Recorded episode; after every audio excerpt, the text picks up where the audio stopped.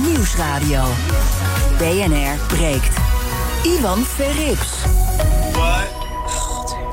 Welkom bij BNR Breekt, de vrijdagseditie op vrijdag 13 augustus. Vrijdag 13 augustus. Vanaf half twaalf praat ik over het nieuws van de dag, over de Formule 1. Die mag gewoon doorgaan en sommige mensen zijn daar tamelijk zuur om. Dat allemaal zo meteen vanaf half twaalf, het nieuws van de dag dus. Vandaag in mijn panel Carline van Breugel, communicatieadviseur... en Fatia Abdi, politicoloog. Goedemorgen allemaal. Goedemorgen. En allebei oud-kandidaat-Kamerleden. Ja, yes. Carline voor D66, Fatia voor de PvdA. Ja. Ik zeg het maar even, dan weten mensen gelijk waar jullie staan. Ook als Ja. we zo meteen gaan praten. Heel goed. We beginnen met BNR breekt. Breekijzer. ons breekijzer. Het tekort aan arbeidskracht is op een recordniveau uitgekomen. Volgens ABN AMRO is momenteel 1 op de 6 vacatures onvervulbaar. Dat is een gevolg van de loonsteun die het kabinet al ruim een jaar uitkeert... aan door coronacrisis getroffen bedrijven. Ja, de economie trekt aan, bedrijven zoeken mensen... maar eh, veel mensen zijn in dienst gebleven door die NOW-steun. Ons breekijzer vandaag is... er gebeurt te weinig om de mismatch op de arbeidsmarkt op te lossen. Wie kunnen we hierop aanspreken? Moeten bedrijven dit oplossen? Moet de overheid dit oplossen? Wat er worden gedaan? Ehm, kan je iets doen? Is meer geld de enige oplossing? Of zijn er meer zaken? Laat het ons weten aan de hand van ons breekijzer. Dus er gebeurt te weinig om de mismatch op de arbeidsmarkt op te lossen. Als je erover wil meepraten, pak dan nu je telefoon. En bel naar 020 468 4 keer 0 020 468 4 keer 0 Dan spreek je zo meteen in de uitzending. En ik kom natuurlijk ook eh, zeker met je in contact... al graag als je eh, misschien eh, zelf werkgever bent... op zoek naar personeel en dat lukt maar niet. Of andersom, als je een baan zoekt... En dat lukt ook maar niet. 020 468 4 keer 0 Ik spreek je graag zo meteen. Ook bij me is arbeidsmarktdeskundige Fedde Monsma. Goedemorgen, Fedde.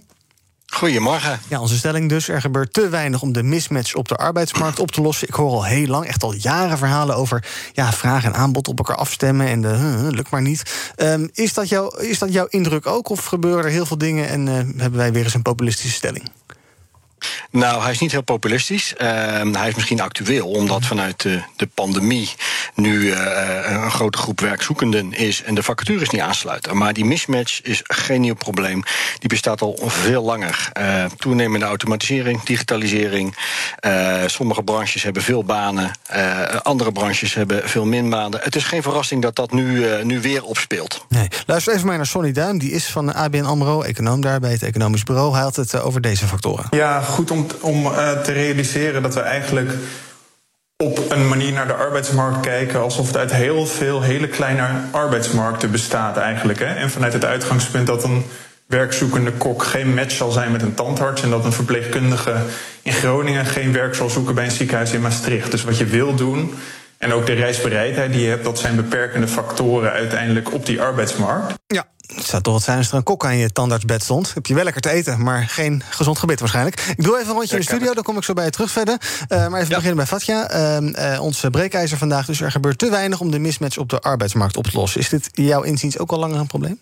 Ja, ik ben zeker eens met verder dat, je, dat er langer sprake is van een mismatch. Ik denk alleen dat het ook veel complexer is. Het heeft ook echt te maken dat gewoon werk überhaupt loont gewoon niet. Uh, als je kijkt ook waar de grootste arbeidstekorten zijn, zijn het ook vaak in sectoren waar gewoon nul uren contracten, weinig zekerheid, veel vrouwen, heel rigide. Um, en ik denk dat het zijn dingen die we altijd een beetje ondergeschoven hebben met mond van, nou, lukt wel wel aanwas. Mm -hmm. Maar je merkt gewoon nu dat het gewoon niet meer lukt. Er zijn zoveel mensen die die switch hebben gemaakt, noodgedwongen tijdens de coronacrisis. En die zich realiseren: ja, wil ik dit eigenlijk wel doen? Weet je, het betaalt gewoon niks. Mijn baas kan me zo ontslaan. Totaal geen verbinding voelen. Dus ik denk, als je iets wilt doen in mismatch, zou ik beginnen gewoon hogere salarissen. Mm -hmm. Daarmee beginnen. Maak het flexibeler, makkelijker ook voor mensen over te stappen naar werk. Begeleid ze ook daarin. Mm -hmm. En doe ook iets aan het feit dat bijvoorbeeld, hè, zeker met name heel veel vrouwen in sectoren zoals de zorg en zo en de onderwijs. Het loont gewoon totaal niet. Wat heb je aan als je leraar kan worden in Amsterdam, maar je kunt niet wonen? Ja, precies. Of als, het maar, als je maar net iets meer uh, geld krijgt als je zou gaan werken ten opzichte van dat je het niet zou doen, bijvoorbeeld. Nee, het loont gewoon niet. Nee, dus ik denk okay. gewoon, als ik werkgever denk, gewoon betaal gewoon meer. Investeer er gewoon in. En als overheid wees ook gewoon wat strenger. Maak het gewoon wat zekerder. En ik denk, Lodewijk Asscher is daar begonnen, weet je wel, als minister van Sociale Zaken toen de tijd. Die trend moet eigenlijk doorgezet worden, in mij betreft. Maak gewoon werk dat het gewoon zeker is, dat het loont. Aantrekkelijker. Carline. Ja, nou, ik denk dat je daar een heel goed punt hebt. Kijk, het is heel belangrijk dat je, um, dat je gewoon in je leven kunt voorzien. En als je in de horeca werkt, wisselende tijden hebt, ook veel alcohol vaak in je werk hebt. En je gaat daarna. Ik had ook een vriendin en zij is van de horeca of van een hotel geswitcht naar. Nu werkt ze bij een bibliotheek en heeft ze vaste tijden. En weet je, ze zegt: ja, waarom zou ik teruggaan? Want dit is zoveel fijner. En mensen zijn daarachter gekomen. Dus ik denk dat het misschien wat flexibiliteit van die werkgever zelf vraagt. Mhm. om ervoor te zorgen dat het beroep aantrekkelijk is en dat mensen daar nog willen werken. Ja. Ik zie eh, Rick en Ruben hangen, die ga ik zo meteen aan het woord eh, laten. Fijn dat jullie bellen. Uh, verder, eh, eerst even om even het probleem te schetsen. Het is natuurlijk een illusie om te denken dat vraag en aanbod één, één op elkaar aansluiten. Dat kan natuurlijk niet. Is, is de situatie nu wel ja, dermate bovengemiddeld problematisch? Nou, langzaamaan begint het wel heel nijpend te worden. Hè. Op het moment dat je gebouwen niet meer schoon krijgt, uh, je kan niet meer je klanten bedienen, uh, je huis kan niet verbouwd worden. Uh, ja, dat wordt wel een probleem. We hebben van de week, of vorige week nog gehad, dat de verkeersleiders bij de Nederlandse ja. spoorwegen niet hun werkende dus treinen niet rijden. Het is wel, het is wel erg belangrijk aan het worden. Ja. Wat ik wel een lastige vind is, hè, we moeten niet zoveel blijven hangen in stereotyperingen. Ehm, werkgevers hebben een belangrijke vol, voor, rol hierin. Maar die medewerker natuurlijk ook. Uh, en ik ben het eens met de vorige sprekers. Uh, je moet even goed kijken naar wie werken er nou in die banen. Uh, maar als je ziet naar de uurlonen, valt het allemaal nog wel mee wat ze, uh, wat ze verdienen. Maar het zit hem vooral in het aantal uren. Je ziet ook kleine contracten. Ehm, en je zou natuurlijk ook die arbeidsmarktkrapte te lijf kunnen gaan door juist meer uren aan te gaan bieden. Of misschien wel meer uren bij verschillende werkgevers aan te bieden. Daarmee heb je een boel flexibiliteit, wat toch een beetje de nieuwe arbeidsvoorwaarde aan te worden is. Is dat waar nou, ik, ik heb een goed voorbeeld. Hè. Een hele goede vriendin van mij, zij is schoonmaakster. Zij heeft deze coronacrisis super hard gewerkt. En één dag werd zij gewoon zelf ziek. Nou ja, zij had gewoon letterlijk geen geld ervoor doorbetaald gekregen. Uh, ze kon heel moeilijk haar uren zelf bepalen. Nou ja, zij doet het omdat ze haar rekening moet betalen. Maar is het aantrekkelijk? Nee. En ik denk, ik vind het heel interessant dat je beroepen noemt... die wij vaak toch op neerkijken. Hè. Mm Schoonmakers, stel, kijk naar mensen zorg, kijk naar leraar. Het zijn allemaal mensen die noodgedwongen keuzes moeten maken... die ze niet willen maken in hun baan. Omdat inderdaad hun uren heel rigide zijn. Maar het heeft ook echt te maken met salaris. Ik bedoel, als je gewoon zeker in de stad hier is Amsterdam niet kan veroorloven om gewoon niet te wonen of je boodschappen doen of leuke dingetjes te doen, waarom zou je werken? Als je schoonmaker bent of je werkt in een horeca, kan je niet in het centrum van Amsterdam wonen als je daar werkt. Nee, nee, nee. En ik denk dat is echt wel een hele belangrijke. Maar ik denk, het begint toch geweest van je hoort te veel verhalen. En het zijn toch vaak vrouwen, het zijn toch vaak mensen die ook voor heel veel andere mensen heel veel zorg dragen, die gedwongen worden om hele uh, ja, gewoon hele rigide contracten aan te nemen, uren te werken die ze niet willen werken en eigenlijk tegen hun max aan te werken. En het loont gewoon niet. Uiteindelijk hou je gewoon heel weinig over. Ik ga een paar bellers aan het woord laten. Die reageren op ons breekijzer. Dat is er gebeurt te weinig om de mismatch op de arbeidsmarkt op te lossen. Wil je ook reageren en heb je misschien zelf idee hoe dat zou kunnen? Pak je telefoon en bel naar 020 468 4 keer 0 020 468 4 keer 0 Ruben, goedemorgen. Goedemorgen, hi. Zeg maar. Hi. Want dat is, uh, ik ben ook een, zelf een werkgever. Uh, ik heb ook uh, meer dan 25 medewerkers op dit moment. Mm -hmm. Maar wat ik zie op dit moment gebeuren, gewoon door de corona, ze gewoon in Noorwegen, de werknemer die gewoon op werkplek zitten, gewoon, die worden gewoon luier. En dat is de reden dat ik gewoon nieuwe werknemer nodig heb. Op dit moment op mijn, op mijn lijst staat er gewoon echt van de 10 mensen staat er gewoon echt ontslaan als het gewoon Noorwegen stopt. En dan heb ik nog 15 mensen nodig om het juiste werk, om de werk te doen. Ja. Uh, gewoon de mens door die corona-maatregelen. Mensen zijn luier geworden, de werknemers zijn luier geworden. Gebruiken ze gewoon switchen wat, wat de maatregelen, wat de markt erop. Ja. Okay. Daardoor ontstaat er een situatie dat het komt. Die, diegene die moet werken, die, moet het, die werkte niet, omdat mm -hmm. de bedrijf switchen. Maar de, volgende, wij hebben gewoon bedrijf de runnende houden. Wij moeten gewoon mensen nodig. Ja. Daarom ben ik op zoek naar de juiste mensen. Ja, maar wat ik denk, na oktober wordt het wel een pijn op hier uh, ja, in Nederland. Als de stem wordt afgebouwd, oké, okay, duidelijk. Ja, we zullen zo even bespreken wat uh, corona wellicht met werknemers gedaan heeft. Rick, goedemorgen. Hi, goeiedag. Zeg maar. Ja, ik, um, wij zien momenteel dat uh, het probleem voornamelijk bij de, bij de bedrijven terecht komt te liggen. Mm -hmm. En um, ja, die geven op zich heel veel geld uit aan uh, de ontwikkeling van hun personeel om ze ja, om te scholen en, en met de tijd mee te laten gaan. En het probleem, um, ja, wij bouwen een oplossing om, om mensen eigenlijk meer bewust te maken van hun mismatch. Wie is, waar, wie is wij? Je, ja, wie is wij? Je, bent, je bent ondernemer ja, of niet? Sorry. Ja? Um, wij, is, mijn bedrijf is WorkPy. Ja. En, uh, wij bouwen een, uh, een oplossing voor werknemers waarmee ze hun vaardigheden kunnen meten. Om te zien ehm, ja, of zij nog wel een aansluiting hebben tot hun huidige baan. En ehm, ja, we zien vaak mensen die al 20, 30 jaar in hun baan zitten. En dus helemaal geen eh, idee hebben of zij daar niet meer aansluiting op hebben. En nou, we weten, technologie ontwikkelt exponentieel. En eh, mensen doen dat vaak lineair. Dus wacht lang genoeg en die skill gaps komen ontstaan vanzelf. En, ehm, En dat helpt dus ook met het eh, zoeken naar een eh, nieuwe baan eventueel. Dus of als je uit een situatie komt waarbij, waarin je geen baan hebt, helpt dat daarbij ook? Ja, zeker. Wij bouwen ook een platform waarbij we dus. We doen dit door middel van assessments. Dus kandidaten die op zoek zijn naar een baan en niet zo goed weten wat voor baan bij jou past. Laten wij eh, ja, assessments uitvoeren. En kunnen we ook precies zien van goh, wat past er nu bij jou? Duidelijk, dankjewel. Carline, kan dit een onderdeel, onderdeel van de oplossing zijn? Nou ja, ik, ik zou het zelf vooral zoeken in het onderwijs. Dus wat je eigenlijk ziet is dat veel duale deeltijdopleidingen toch een beetje zijn uitgefaseerd. En Mhm. dat daar, als jij jezelf kunt blijven ontwikkelen, als je kunt blijven leren. En dat is denk ik bij onze generatie al een stuk vanzelfsprekender. Dat je al eh, om flexibelere competentie wordt gevraagd, omdat je al automatisch vaker van baan wisselt. Maar dat je zowel mensen kunt begeleiden naar een nieuwe functie. En dat daar ook wel een rol ligt voor de overheid. Dat mensen misschien inderdaad al 30 jaar hetzelfde doen en nog niet hebben nagedacht om van kok tot anders te worden, maar daar wel op een manier affiniteit in hebben en daar redelijk makkelijk naar kunnen worden omgeschoold. Kijk, als je dat faciliteert, als je het betaalt en als je het gesprek voert, dan zou je daar denk ik wel een rol in kunnen spelen zonder het werknemersgeluk, zeg maar, het geluk van mensen misschien zelfs te groot, maar in ieder geval niet te verkleinen. Ja, maar als je 30 jaar kok bent geweest, ga je toch geen tandarts meer worden? Ja, ja, ik weet het niet. Ik kan me wel voorstellen dat je. ehm, mijn vriend twijfelde ook tussen dirigent of arts worden. Mhm. Dat hij, als hij straks eh, echt niks meer kan vinden. Ja, weet je, ehm, als mensen zichzelf daar goed bij voelen, dan zou je dat denk ik prima kunnen eh, faciliteren, Ja. toch? Ruben zei net... eh, ik- ja, oh, ja, Ja. reageer maar even verder.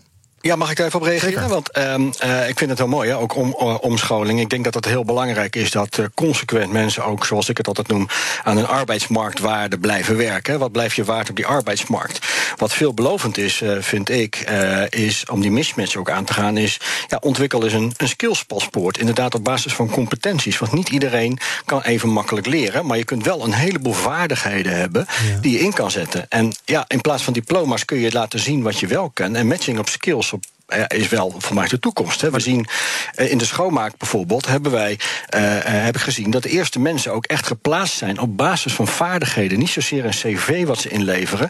En ook soms voor een hele vergeten doelgroep, mensen die met een afstand tot de arbeidsmarkt hebben. Dat werkt veel beter als je mensen als werkgever ook wil aannemen. Ja, nou hoor ik skillspaspoort en dat soort zaken hoor ik misschien al wel jaren. Komt, komt dat een beetje van de grond? Want om, om me heen zie ik nou niet mensen die met een skillspaspoort staan te wapperen. Ja, ik zie eh, eh, bedrijven, ik zie eh, ook de werkgeverskoepels in dit geval. Ik zie brancheorganisaties steeds meer werken en ontwikkelen met dit soort paspoorten. Het zou mooi zijn als daar eens een wat meer, meer lijn in komt. Hè, dat we allemaal hetzelfde aan het doen zijn. En dat gaat wel langzaam gaat dat gebeuren. Maar je ziet wel zo langzaam de successen binnenkomen. Ik zie plaatsingen, zoals ik net aangaf bij de schoonmaak. Ik zie plaatsingen van mensen op basis van wat ze vooral kunnen en niet zozeer wat ze geleerd hebben. En dat werkt voor deze doelgroep bijzonder goed. Ja. Fatia, ik hoorde net eh, Ruben zeggen... ik eh, ben werkgever, ik heb 35 man in dienst... en mijn Ja. medewerkers zijn lui geworden... Door, doordat ze eigenlijk ja, in de coronatijd niet konden of niet moesten werken... Ja. en eh, de wel doorbetaald kregen... en die zaten met zakken chips op de bank. Dat vul ik even zelf in. Ja, Is, precies. is dat iets wat zou kunnen zijn? Of Nee, en ik, denk niet dat hij heel erg reclame heeft gemaakt dat mensen bij willen werken. En ik zou zeker ook zijn werknemers willen aanmoedigen om gewoon lekker te vertrekken. Maar ik denk, kijk, we, kunt, we kunnen gaan naar een soort van 19e-eeuwse soort werkomstandigheden. waar mensen een soort slaven zich helemaal kapot moeten werken. Maar ik denk wat we gewoon nu zien, hè, voor een heel grote groep werkenden in Nederland. Je hebt gewoon geen eh, recht op een soort inkomen. Je kan geen huis kopen, je kan niet leuke uitjes doen, je kunt je niet verder ontwikkelen. Weet je, ik denk, wat is een baan? Een baan is dus, moet je ook een soort van zekerheid geven. Zekerheid bescherming, zekerheid inkomen. Heel veel mensen hebben dat niet. Heel veel mensen hebben ook dat als hun iets overkomt, dat ze meteen wegvallen. Dat is het grote probleem. En ik vind de discussie die nu gevoerd wordt over die misbest, gaat heel erg over een soort, ja, hoe kunnen we zorgen dat zoveel mogelijk zijn werk blijven? Ik zou zeggen, nee, hoe kunnen we zorgen dat werk ook echt loont? Ja. Dat werk zeker is, maar mensen ook gewoon gelukkig van worden. Weet je, we zijn niet, we werken niet om.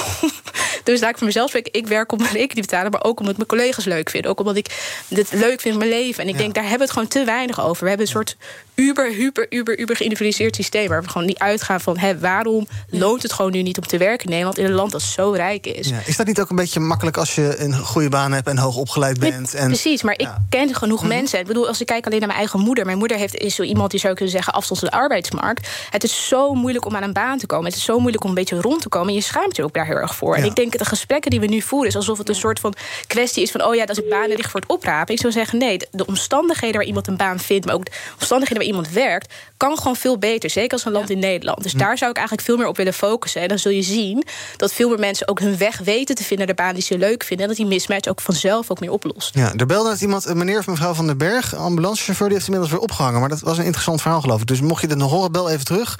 Dan hoor ik het graag zo meteen. Ehm, eh, eh, verder, eh, heb jij een indruk van wat eh, eh, corona heeft gedaan met, met werkenden? Is dat inderdaad een soort eh, ja, demotiverende tijd geweest? Ja, waarschijnlijk wel. Nou, dat hangt een beetje vanaf welke sector je, je zit. Uh, maar ja. voor veel mensen wel. Hè. De wereld is een beetje op zijn kop. We gaan thuiswerken. Maar ineens kunnen wij dus dingen thuis die we nooit voor mogelijk hebben mm-hmm. gehouden. Nou, daar hebben we volgens mij enorm van geleerd. Wat we vooral ook geleerd hebben, is dat we vertrouwen moeten hebben. één, in je werkgever die zorgt dat je goed thuis kan werken. Maar twee, die werkgever die uh, vertrouwen in jou heeft dat jij thuis ook prima werk kan afleveren. Ik denk dat dat een, uh, echt een winst is. Mm. Tegelijkertijd is de winst, en dat klinkt wat paradoxaal, um, werkzekerheid uh, is er niet. Er zijn hele grote groepen mensen, uh, zeker in getroffen sectoren, uh, waar dus klaarblijkelijk maar even iets hoeft te gebeuren en je baas staat op de tocht. Ja. en dat zou een wake-up call moeten zijn, denk ik, voor werkenden, om af en toe eens in de spiegel te kijken: ben ik de goede dingen aan het doen? Heb ik nog voldoende arbeidsmarktwaarde? het is een beetje een moeilijk woord, maar om stel dat er nou iets gebeurt, dat ik iets anders kan doen. Kan ik mij blijven ontwikkelen? kan ik een volgende stap maken? Wat heb ik daarvoor nodig? En ik, dat denk, ik hoop dat dat bewustzijn ook de coronapandemie heeft uh, gebracht. Ja, ik ben het hier echt niet mee eens hoor. Zaten allemaal lekker te applaudisseren tijdens chronisch verzorgpersoneel. En en zijn, Fatima. Nee, maar wat ik gewoon hier een beetje heel stom aan vind, is dat ik denk van hè, het gaat om wat voor werk waarderen wij. Dus en die waardering moet zich ook uitspreken, denk ik, in de salaris, maar ook gewoon in omstandigheden waar mensen het gevoel hebben: ik heb zekerheid om inkomen. Mm-hmm. Het is echt te makkelijk gezegd te zeggen van tegen mensen zelf van, nou ja, misschien moet jij je omscholen of kijken. Nee, mm-hmm. je kan ook omdraaien. Waarom betalen wij mensen in de zorg bijvoorbeeld zo weinig? Waarom zijn salaris, leraar, salaris voor leraars zo, zo laag? Weet je, ik zou bijna zeggen, vraag je dat af. Wat is de waardering die geeft voor werk? Verder is inkomen misschien gewoon het grootste probleem? Salaris? Nee, vind ik niet. Ik vind dit, het, vind dit uh, met alle respect ook te kort door de bocht. Ja. Versimpeling van de problematiek. Ja, ik vind het ook versimpeling van jouw kant. Ja, jullie vinden elkaar allebei simpel, dat mag. Ja, vertel verder. verder. Nee, ja, nee, nee, maar er gebeurt ongelooflijk veel op die arbeidsmarkt. Uh, er zijn uh, heel veel initiatieven ook om mensen die veel moeilijker aan het werk te komen, aan het werk te helpen. Dat niet altijd lukt, dat ben ik ook wel met, met, met sprekers eens. Ehm, en kosten speelt daar een rol in. Betaling speelt ook een rol in. Je moet een fatsoenlijk loon kunnen verdienen. Maar fatsoenlijk loon zit hem niet alleen in het uur uurloon, want het uurloon kan best hoog zijn. Maar als je een hoog uurloon hebt en je werkt 12 uur, heb je nog steeds geen uh, volwaardig inkomen. Hè? Dus het zit hem veel meer in hoe kun je mensen stimuleren om meer uit hun loopbaan te halen, ook in de, de werkende uren. Uh, en daar zou je veel meer op kunnen, kunnen sturen. Ja. Short, goedemorgen. Goedemorgen, met Sjoerd. Zeg het maar. Uh, nou ja, ik uh, belde net eventjes om te reageren ook op die meneer die uh, over zijn werknemers die vond dat ze lui waren geworden. Mm-hmm. Dat verbaasde mij gigantisch. Um, ik zelf ben ook werknemer, maar wel met een leidinggevende rol tot voor kort. Mm-hmm. Um, en ik merk juist dat zeker de afgelopen jaren in de coronacrisis um, mijn medewerkers keihard hebben gewerkt en onwijs veel inzet hebben getoond. Uh, en uh, zelf begrepen dat uh, deze tijden moeilijk zijn voor bedrijven. En meer gedaan hebben dan van ze gevraagd worden als je puur kijkt naar de functie. Um, maar wat een beetje ontbreekt, helaas, was volgens mij gewoon werkgever, goed werkgeverschap. Die dan ook erkent en beloont. En ja, dan denk ik ook dat mensen gaan zoeken en weggaan. Ja. Uh, en dan worden er komen natuurlijk nieuwe functies moeten worden ingevuld. Maar ik denk met een stuk goed werkgeverschap, monetair, maar ook non-monetaire beloningen, mm-hmm. werknemers langer zullen blijven.